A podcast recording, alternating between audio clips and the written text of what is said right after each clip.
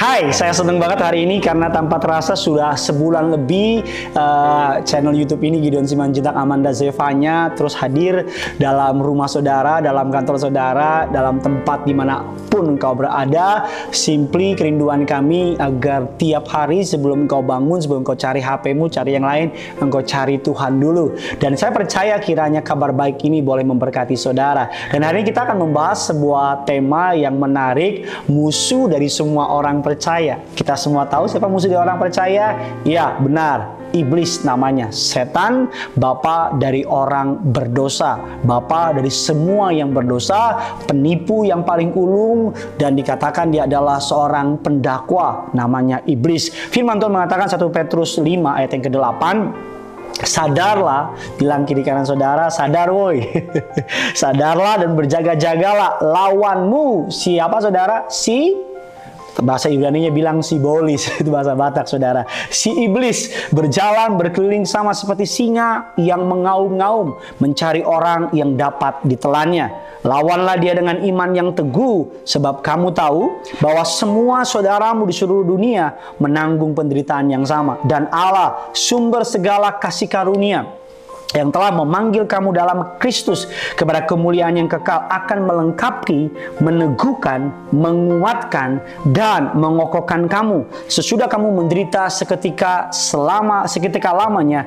ialah yang mempunyai kuasa sampai selama-lamanya. Tahukah saudara, untuk dapat menang dalam pertarungan iman ini kita perlu mengenal siapa musuh kita.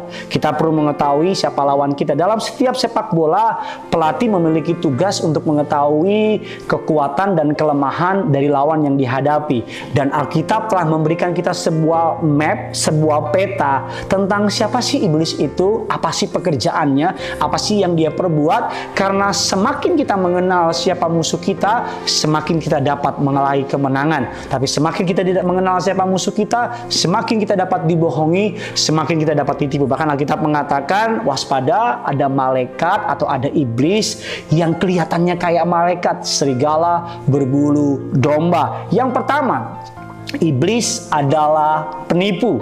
Ya, betul. Iblis adalah apa? Penipu. Semua uh, tipu muslihat, semua dusta, semua tipu berasal dari iblis. Dikatakan sasaran dari penipuan iblis adalah apa? Pikiran kita. Dia akan membuat kita berpikir kamu nggak layak, kamu nggak dikasihi, kamu kurang ini, kamu kurang ini, kamu kurang ini. Makanya firman Tuhan mengatakan Filipi 4 ayat yang ke-8 jadi akhirnya saudara-saudara semua yang benar, semua yang mulia, semua yang adil, semua yang suci, semua yang manis, semua yang sedap didengar, semua yang disebut kebajikan dan patut dipuji, apa?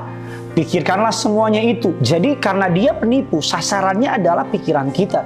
Dia akan membanjiri pikiran kita dengan media, dengan koran, dengan TV untuk membuat kita merasa kita tidak layak, untuk membuat kita merasa kita tidak berharga, untuk membuat kita merasa kita tidak signifikan. Sasaran dari penipuan iblis adalah pikiran kita. Senjata iblis sudah perlu tahu apa senjatanya. Senjata iblis adalah dusta. Firman Tuhan mengatakan dalam Yohanes 8 Ayat yang ke-44, iblislah yang menjadi bapamu dan kamu ingin melakukan keinginan-keinginan bapamu. Ia adalah pembunuh manusia sejak semula dan tidak hidup dalam kebenaran sebab di dalam dia tidak ada kebenaran.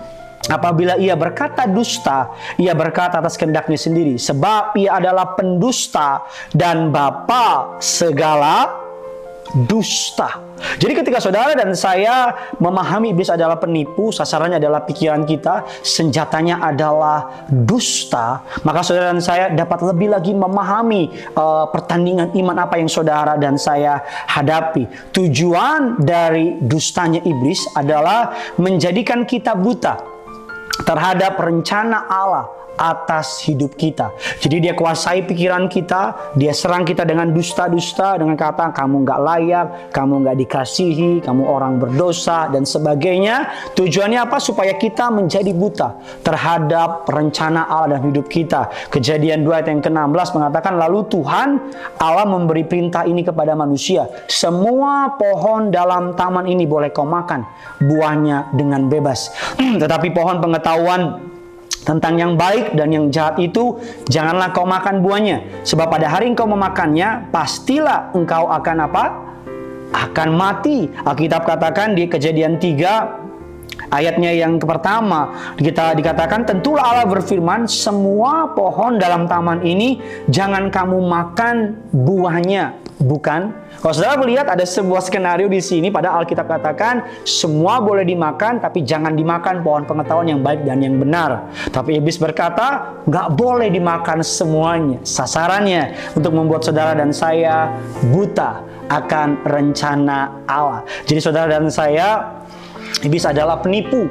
Apa uh, tugasnya saudara? Apa tugasnya iblis? Dia adalah sasarannya adalah your mind. Makanya guard your mind dengan perkataan-perkataan dari firman Allah. Senjatanya adalah dusta, tujuannya untuk menjadikan kita buta terhadap rencana Allah atas hidup kita. Bagikan kabar baik ini agar orang-orang percaya mengetahui bagaimana pertandingan iman dan bagaimana kita keluar sebagai pemenang. Ini akan menjadi sebuah seri, tiga seri ke depan agar saudara saya bisa mengetahui bagaimana kita berkemenangan menghadapi tipu musyiat iblis yang punya surga sangat amat sangat mengasihi saudara.